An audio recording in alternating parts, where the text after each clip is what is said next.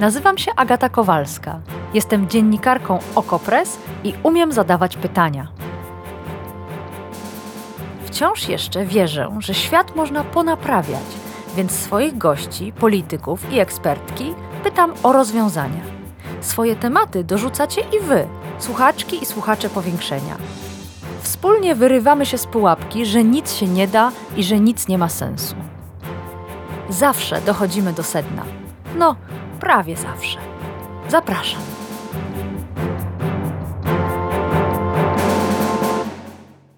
W sobotę 7 października o 6.30 rano na Izrael spadły rakiety. Atakował Hamas, ugrupowanie polityczne, ugrupowanie militarne rządzące strefą gazy. A właściwie powinnam powiedzieć ugrupowanie terrorystyczne. Bo na Izrael nie spadły tylko rakiety. Bojownicy Hamasu przekroczyli granicę z Izraelem i zaczęli rzeź. Zabijali żołnierzy i żołnierki izraelskiej armii, ale też cywilów. I to nie przypadkowo, po drodze. Jeden z największych ataków przeprowadzono na festiwal muzyczny. Obrazy z tamtego miejsca mrożą krew w żyłach. Atak był kompletnym zaskoczeniem dla Izraela, dla jego służb wywiadowczych, dla armii. Atak Hamasu obejmował też porwania. Nie wiadomo dokładnie, ilu ludzi trafiło nagle do strefy gazy i jaki jest ich los. Wiemy, że część jest bita, upokarzana, przetrzymywana w koszmarnych warunkach. Władze Izraela postanowiły odpowiedzieć z całą mocą. To zresztą cytaty. I rząd, i prezydent ogłosili, że izraelska reakcja będzie taka, o jakiej jeszcze świat nie słyszał. W związku z tym od soboty na strefę gazy spadają rakiety. Ofiary liczone są w setkach. Organizacje humanitarne, m.in. Lekarze Bez Granic, podają, że dziesiątki tysięcy ludzi uciekły z domów. Kryją się w szkołach albo w bunkrach. Następnie Izrael ogłosił, że odcina dostawy wody, prądu i żywności dla strefy gazy. Być może po obrazach koszmarnego terrorystycznego ataku Hamasu na Izrael czekają nas koszmarne obrazy z równanej z ziemią strefy gazy. Pytanie brzmi, z czym mamy do czynienia? Czy to już regularna wojna? Kto do niej może dołączyć? Kto będzie kibicował? I czy jest ktokolwiek z regionu, ze społeczności międzynarodowej, komu zależy na pokoju? Na te pytania postaramy się odpowiedzieć dzisiaj w powiększeniu. Zapraszam. A gościem powiększenia jest pan Marek Matusiak, analityk Ośrodka Studiów Wschodnich, koordynator projektu Izrael Europa. Dzień dobry, witam w powiększeniu. Dzień dobry, bardzo miło, dziękuję za zaproszenie. Zacznijmy od słów. Słuchacze i słuchaczki powiększenia wiedzą, że ja zwracam na nie szczególną uwagę. Uważam, że dobór słów wpływa na to, jak rozumiemy świat. Więc pytanie do pana jako analityka: jakich słów pan używa? Jak nazywa te wydarzenia, które obserwujemy na Bliskim Wschodzie od 7 października? Czy to jest atak terrorystyczny i obrona przed nim? Czy to jest kryzys militarny, kryzys polityczny, wojna? Jakich słów pan używa? To, co się wydarzyło w sobotę, miało, jak wiadomo, dwa, e, dwa aspekty. Był e, atak rakietowy e, skierowany przeciwko miastom, osiedlom w środkowej i południowej części Izraela. No i mieliśmy do czynienia z tym, co wszystkich nas najbardziej zszokowało, czyli z tym wtargnięciem na terytorium Izraela kilkuset, może nawet tysiąca uzbrojonych członków Hamasu, którzy no, w sposób zupełnie taki przypadkowy zaczęli mordować, gwałcić no, krzywdzić przypadkowo napotkanych ludzi. Terroryzm jest e, metodą walki politycznej. Tutaj z pewnością mieliśmy do czynienia z aktem, z aktem terroryzmu. Czy słowo e, terrorysta, terroryzm wyczerpuje to, co się wydarzyło? Myślę, że jest to sprawa, sprawa bardzo dyskusyjna. Pewne aspekty tego, co się wydarzyło, są po prostu terrorem i tu można postawić kropkę. Natomiast to, co się będzie działo teraz, będzie po prostu konfrontacją, konfrontacją militarną. Ja trochę unikam unikam jednoznaczności tutaj, ale też dlatego, że ta sytuacja po prostu nie jest jednoznaczna. No, to, co się wydarzyło w sobotę, czyli to, no, mordowanie, krzywdzenie zupełnie przypadkowych osób, osób cywilnych jest e, po prostu aktem, aktem terroryzmu. Tutaj raczej nie ma, nie ma co się e, dalej nad tym, nad tym rozwodzić. Natomiast konfrontacja Hamasu z Izraelem nie sprowadza się tylko do, do terroryzmu. Mm -hmm. To jeszcze chwilę o reakcji Izraela, odpowiedzi Izraela. Jest ona dwojaka. Z jednej strony mamy odpowiedź militarną, ostrzeliwanie strefy gazy, aresztowania bojowników Hamasu, obronę też rakietową dzięki tarczy, ale jest też ta druga odpowiedź, odcięcie wody, dostaw żywności do strefy gazy, które uderzy bezpośrednio w cywilów.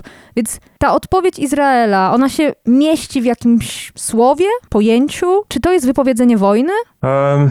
Myślę, że bardzo ciężko to określić jednym słowem, natomiast myślę, że już z tego, co widzimy, ta odpowiedź Izraela, ona jest formułowana biorąc pod uwagę różne czynniki, ale absolutnie pierwszoplanowym czynnikiem będzie pokonanie Hamasu. Myślę, że za każdą cenę albo prawie każdą cenę i chronienie w jak największym stopniu własnych żołnierzy, własnych sił, własnej populacji. Te kryteria determinują izraelską odpowiedź. Myślę, że Izrael będzie odpowiadał właściwie wszystkimi środkami, które posiada i stricte militarnymi, i także tymi, które no, stricte militarnego charakteru nie mają, jak na przykład zacieśnianie tego oblężenia wokół gazy, no bo trzeba mieć świadomość, że to już miało do pewnego stopnia wcześniej miejsce. Granice gazy były zablokowane.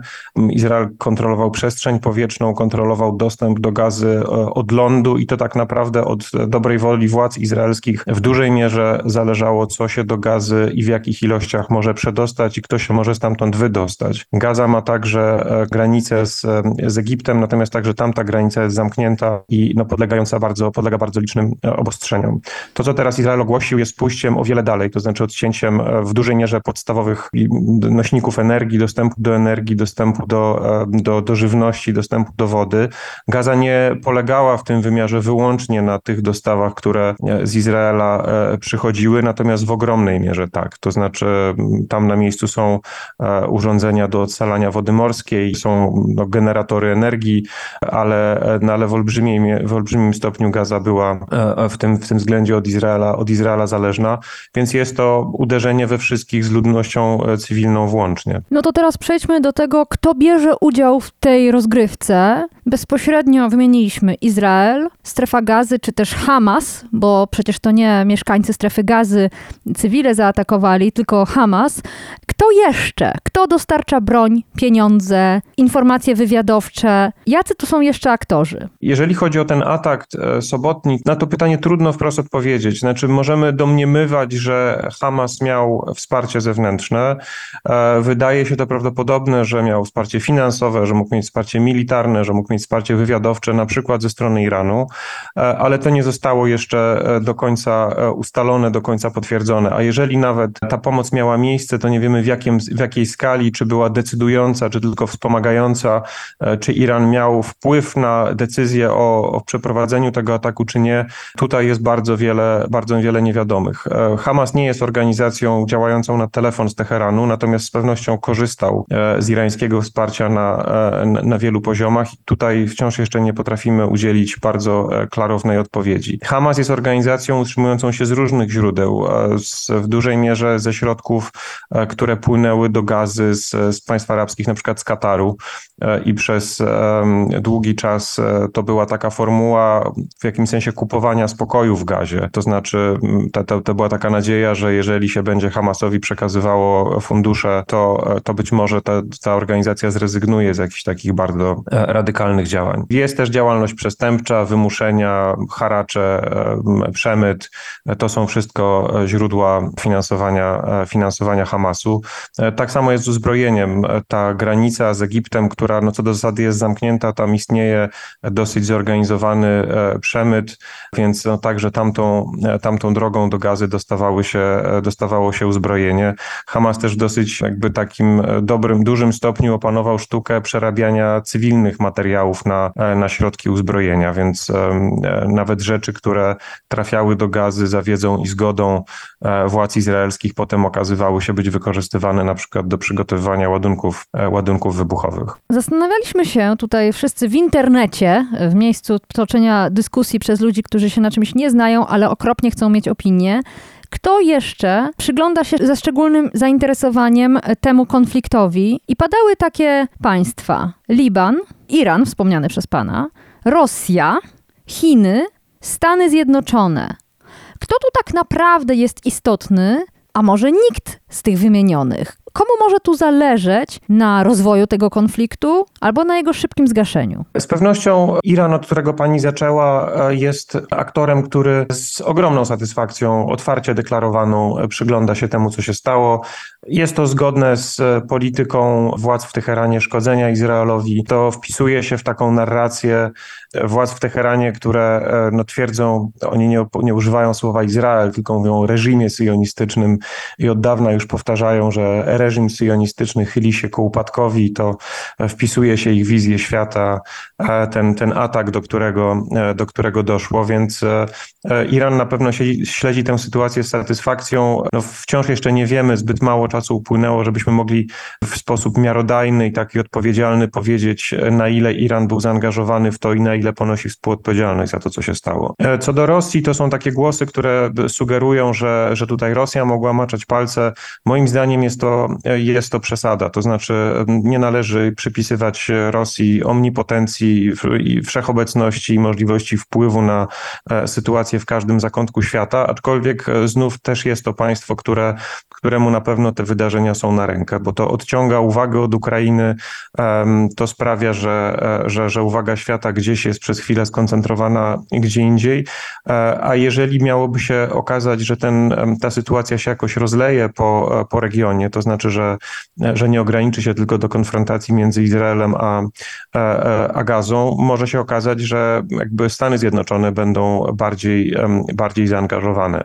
Musimy pamiętać, że kwestia bezpieczeństwa Izraela to jest coś, co niezwykle mocno rezonuje w w amerykańskiej debacie wewnętrznej. W odróżnieniu na przykład niestety dla nas od, od wojny na Ukrainie, no, która nie jest tematem ważnym dla przeciętnego amerykańskiego obywatela, kwestie e, Izra dotyczące Izraela, bezpieczeństwa Izraela są E, tak naprawdę bardzo wysoko na liście priorytetów mm. dużej części amerykańskich mm. wyborców e, i żaden, e, żadne władze amerykańskie nie mogłyby sobie pozwolić na, na stanie z boku w sytuacji, kiedy, kiedy ten konflikt miałby, miałby eskalować. Więc myślę, że to też jest na rękę Rosji, żeby ten konflikt trwał jak najdłużej, był jak najbardziej krwawy, angażował jak najwięcej środków i uwagi także zachodnich, zachodnich decydentów.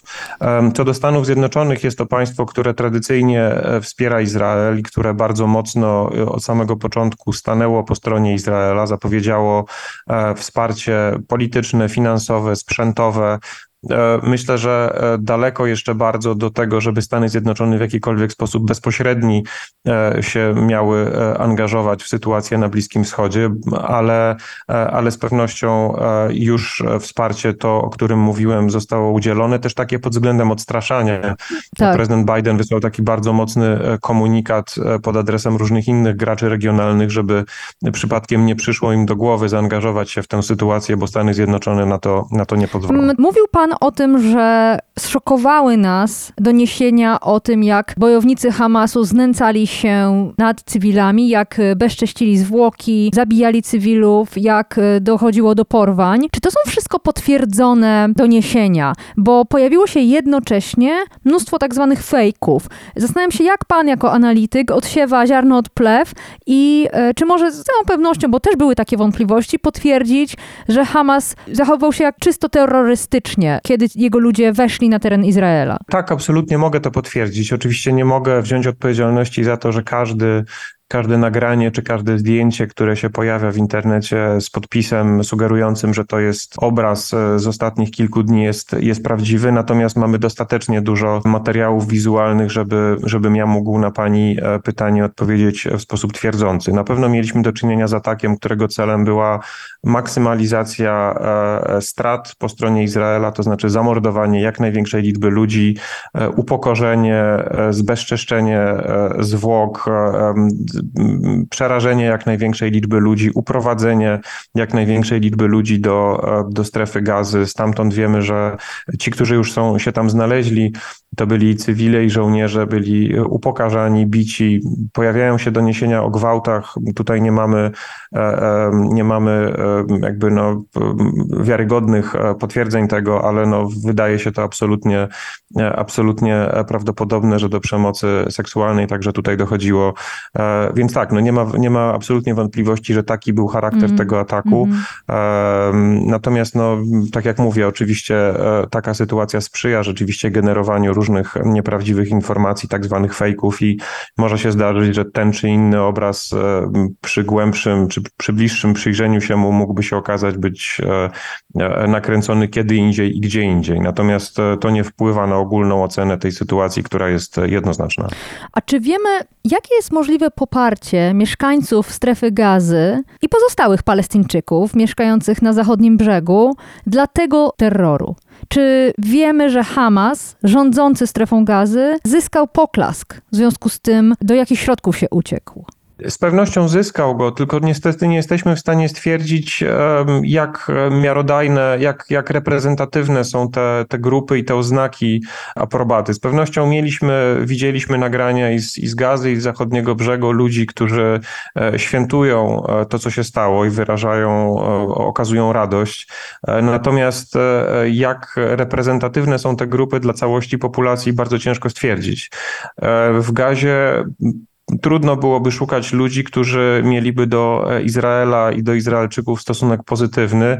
Natomiast między e, tym a, a cieszeniem się z, e, z no, tego, co się wydarzyło, jest jeszcze bardzo, bardzo szeroki wachlarz postaw. I no, niestety nie, nie mamy sposobu, żeby stwierdzić, gdzie na tym, na tym spektrum większość populacji i w Gazie, i na zachodnim brzegu się lokuje. Mm.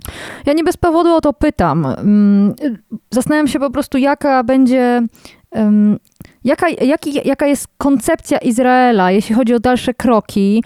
Z wypowiedzi polityków wynika, że zamierzają zastosować, tak jak pan zresztą mówił, wszelkie możliwe środki. Padają takie słowa, że odpowiedź będzie większa niż kiedykolwiek w historii Izraela. Czy myśli pan, że strefa gazy zostanie zmieciona Uczciwa odpowiedź na to pytanie brzmi: nie wiemy. Natomiast e, jak się śledzi dyskurs polityczny w Izraelu, jak się śledzi komunikację zewnętrzną, no można dojść do przekonania, że um, czynniki decyzyjne w Izraelu dają sobie wolną rękę, jeżeli chodzi o odpowiedź e, na, ten, na to, co się wydarzyło, i oczekują też od świata zewnętrznego takiej e, carte blanche, e, jeżeli chodzi o repertuar zastosowanych środków.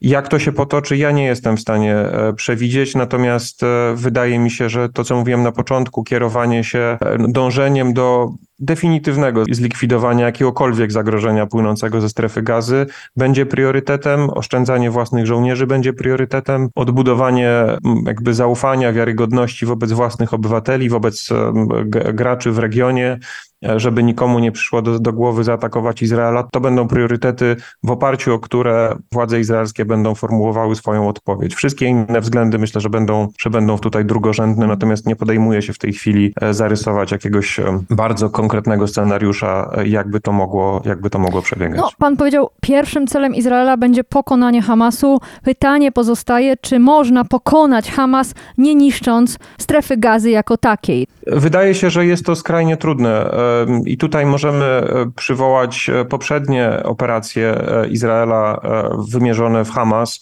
na przykład tę z 2014 roku, która miała charakter i powietrzny, i lądowy.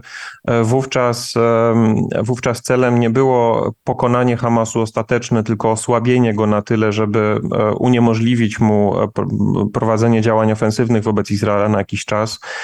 I już wówczas widzieliśmy, nawet przy takim ograniczonym celu politycznym, E, że koszty humanitarne, poziom strat e, jakby tych e, no, niezamierzonych, ale jednak będących skutkiem e, działań militarnych był bardzo, bardzo wysoki. Więc oczywiście to pytanie o to, czy, e, czy da się pokonać Hamas, czy da się ostatecznie zlikwidować, usunąć zagrożenie płynące z jego strony bez jednocześnie zadawania bardzo wysokiego, bardzo wysokich strat e, ludności, ludności cywilnej, jest pytaniem absolutnie zasadnym. Hmm, no właśnie. Czy ktokolwiek w Izraelu nawołuje do pokoju? No to nie jest ten moment. Myślę, że w Izraelu e, w tej chwili e, przede wszystkim mamy do czynienia z szokiem, z gniewem, z chęcią, z pragnieniem odwetu, ale też z, z taką mobilizacją na poziomie praktycznym, jeżeli chodzi o pomoc e, rannym, pomoc ofiarom, wsparcie psychologiczne dla rodzin, zbieranie środków na wyposażanie żołnierzy, bo nawet taka tak potężna armia jak armia izraelska nie jest wyposażona we wszystko i nie jest gotowa tak z marszu na, na wielkie wielkie działania e, lądowe e, angażujące dziesiątki, a może setki tysięcy żołnierzy, więc są też zbiórki na po prostu jakieś e, artykuły, których żołnierze mogą potrzebować w czasie, w czasie no, tych planowanych działań, ale no, mowy o tym, żeby z, z tego, co się wydarzyło, wyciągnąć e, wniosek, że potrzebne są rozwiązania polityczne tej sytuacji, e, to już wcześniej były bardzo niepopularne głosy. Mhm. Głosy, które bardzo łatwo było zdezawuować, e, sugerując jakąś taką miękkość wobec przeciwnika, sugerując zdradę, sugerując naiwność. I zanim ten atak się wydarzył, to, to ludzie, którzy w ten sposób mówili, w ten sposób myśleli, byli w mniejszości, do takiej atakowanej mniejszości. Natomiast myślę, że teraz teraz po tym, po tym, co się wydarzyło, to już będzie naprawdę opinia bardzo, bardzo marginalna. Mówiliśmy o tym, że Stany Zjednoczone stosują metodę odstraszania, odstraszania przede wszystkim sąsiadów Izraela od zaangażowania się w ten konflikt. Jak pan myśli, czy ktoś tam mógłby w jakiejś roli dołączyć? Co z Egiptem, co z Libanem? Myślę, że żadne z państw arabskich jako państwo nie jest zdecydowanie zainteresowane przyłączaniem się do tego, co się dzieje. Egipt e, ma podpisane porozumienia pokojowe z, z Izraelem i zdecydowanie nie jest zainteresowany tym, żeby przyłączać się do antyizraelskich działań. Nawet takie państwa, podobnie jest z Jordanią, która e, no oczywiście z ogromnym niepokojem e, obserwuje to, co się dzieje, ale też z pewnością nie jest zainteresowana tym, żeby się przyłączać do tej konfrontacji przeciwko Izraelowi. Nawet Syria, która jest państwem e, skrajnie nieprzyjaznym Izraelowi, która Izraela nie uznaje, wydaje się, że ma raczej e, inne zmartwienia na głowie i, i, i nie byłaby gotowa na takie, na takie ryzyko. Natomiast Liban jest państwem, którego oficjalne struktury są skrajnie słabe, które od bardzo długiego czasu już przeżywa no, tak naprawdę rodzaj takiej implozji czy załamania e, i znacznie istotniejszym graczem od oficjalnych władz libańskich jest Hezbollah. Jest ugrupowanie religijne, e, polityczne o charakterze politycznym i militarnym, e, które e, no jest, współpracuje z Iranem i jest jak gdyby znajduje się w tej osi proirańskiej, regionalnej. I no, ze strony Hezbollahu rzeczywiście można obawiać się, e, można obawiać się jakichś, e, jakiejś e, reakcji. Zresztą już dochodzi na ograniczoną skalę do, do, do, do walk na tym północnym, północnym froncie. Nie wiemy jeszcze, czy one mają raczej ze strony Hezbollahu taki charakter no, jakiejś takiej demonstracji militarnej, czy, czy jednak ma to szansę rozwinąć się w, w konflikt na, na większą skalę. Natomiast z pewnością tutaj właśnie ze strony Hezbollahu można w pierwszej kolejności oczekiwać jakichś jakichś działań. Gdyby mieszkańcy strefy gazy chcieli uciec przed rakietami izraelskimi, przed y, brakiem wody, prądu, to mają którędy? Odpowiedź brzmi nie bardzo. W tej chwili, e, tak jak mówiłem, Gaza z jednej strony oblewa ją Morze Śródziemne, z pozostałych trzech stron ma dwie granice, jakby jedna krawędź e, to jest granica z Egiptem, pozostałe dwie to, to są granice z Izraelem. Tak jak mówiłem, wszystkie te granice są e, zamknięte. Myślę, że więc na, na, na, dzień dzisiejszy tej drogi ucieczki nie ma. Natomiast no wydaje mi się, że można sobie wyobrazić, że jeżeli ten kryzys e, humanitarny przybierze jakąś e, kolosalną skalę, no to dojdzie do faktycznego takiego wypchnięcia części ludności, na przykład w stronę Egiptu albo, mm, albo za zgodą, i, e, ale no z pewnością żadnej prostej drogi ucieczki stamtąd, stamtąd w tej chwili nie ma. Marek Matusiak, analityk Ośrodka Studiów Wschodnich, koordynator projektu Izrael-Europa. Jego analiza oczywiście na stronach Ośrodka Studiów Wschodnich. Zachęcam Was do czytania tam więcej informacji, między innymi rozważania na temat tego, dlaczego akurat teraz Hamas zdecydował się na atak. My nie będziemy się tym zajmować, dlatego że jest wiele koncepcji, ale żadna niepotwierdzona. Bardzo dziękuję panu za spotkanie. Bardzo dziękuję.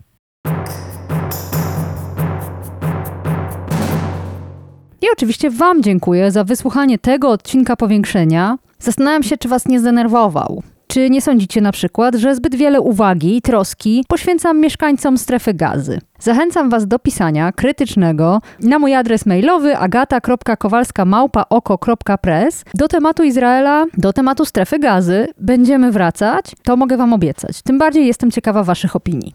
A na koniec jeszcze ogłoszenie, ogłoszenie wyborcze. 15 października mamy dzień głosowania. Mamy wybory do Sejmu i Senatu oraz to ważne dla niektórych, referendum. Lokale wyborcze będą otwarte między 7 a 21, a o 21, a tak naprawdę już o 20.45 rusza wieczór wyborczy Okopres. Rusza na naszym portalu i rusza na YouTubie, dlatego że przygotowaliśmy dla Was prawdziwe studio wyborcze, w którym dziennikarki i dziennikarze Okopres będą na bieżąco analizować exit pole, czyli wyniki sondażowe, wyniki uzyskane przy lokalach wyborczych, oczywiście nieoficjalne, ale być może pokazujące pewne trendy. Oprócz tego będziemy przyglądać się temu, jak świętują lub przełykają łzy porażki partie polityczne, no i starać się zrozumieć, jak głosowała Polska. Zachęcam Was zatem do zajrzenia na Okopres o 21 albo nawet i 15 minut wcześniej. Oczywiście ja również przygotuję dla Was specjalny podcast. Ale najpierw wszyscy musimy zagłosować. Zatem do usłyszenia do niedzieli wyborczej.